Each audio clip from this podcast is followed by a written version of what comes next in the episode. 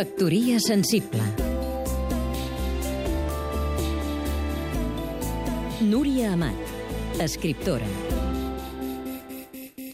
Iniciada ja la malaltia que el portaria a la mort, Frank Kafka, descontent pel gairebé nul reconeixement dels seus llibres, la insensibilitat del seu editor i el fracàs de la seva tercera novel·la, decideix redactar el seu famós testament. Ell encarrega al seu amic Max Brod que tots els objectes que deixen morir, llibres, diaris, escrits propis i d'altres, han de ser completament cremats sense haver-se llegit. A la Praga de 1920, un jueu txec d'expressió alemanya estava doblement aïllat. Era un jueu entre els alemanys i un alemany entre els txecs.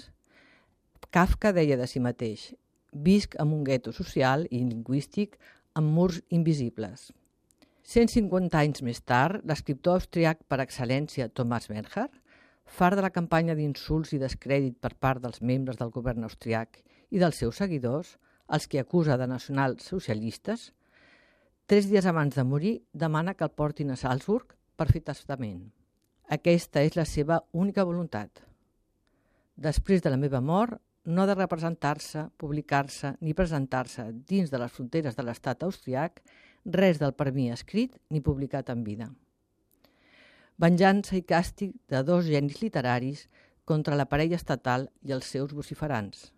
I, de pas, una puntada en el cul dels dolents de la família. Factoria sensible Seguim-nos també a catradio.cat